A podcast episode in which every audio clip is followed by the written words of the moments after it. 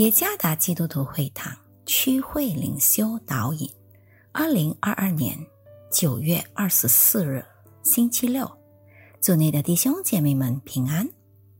今天的领袖导引，我们将会借着圣经腓利比书第四章第四到第九节来思想今天的主题：喜乐与平安。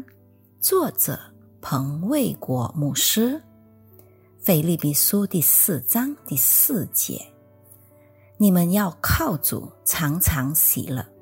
我再说，你们要喜乐，当叫众人知道你们谦让的心，主已经尽了。应当一无挂虑，只要凡事借着祷告。祈求和感谢，将你们所要的告诉神。神所赐出人意外的平安，必在基督耶稣里保守你们的心怀意念。弟兄们，我还有未尽的话：凡是真实的、可敬的、公义的、清洁的、可爱的、有美名的。若有什么德行，若有什么称赞，这些事你们都要思念。你们在我身上所学习的、所领受的、所听见的、所看见的这些事，你们都要去行。赐平安的神就必与你们同在。世人有两种极端的态度。第一组的态度认为，我们作为人类不应该享受世界上的一切，因为世界上的一切都是暂时性的和有罪的。而第二组极端的一面则认为，应该尽情享受世上的一切，并无需考虑罪恶的危险。对他而言，只要他快乐，不伤害到他人。一切都是美好的。您站在哪个立场上呢？为什么？遵守圣经原则的基督徒的立场又是如何呢？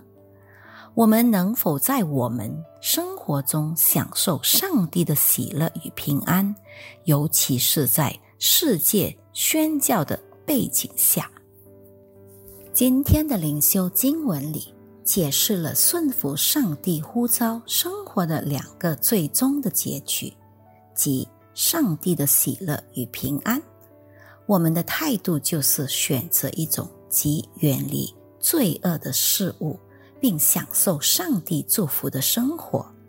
在享受上帝的祝福同时，当然必须符合上帝话语的原则，那就是我们必须遵守的。指导方针和原则，针对存在的两个极端，我们必须保持平衡。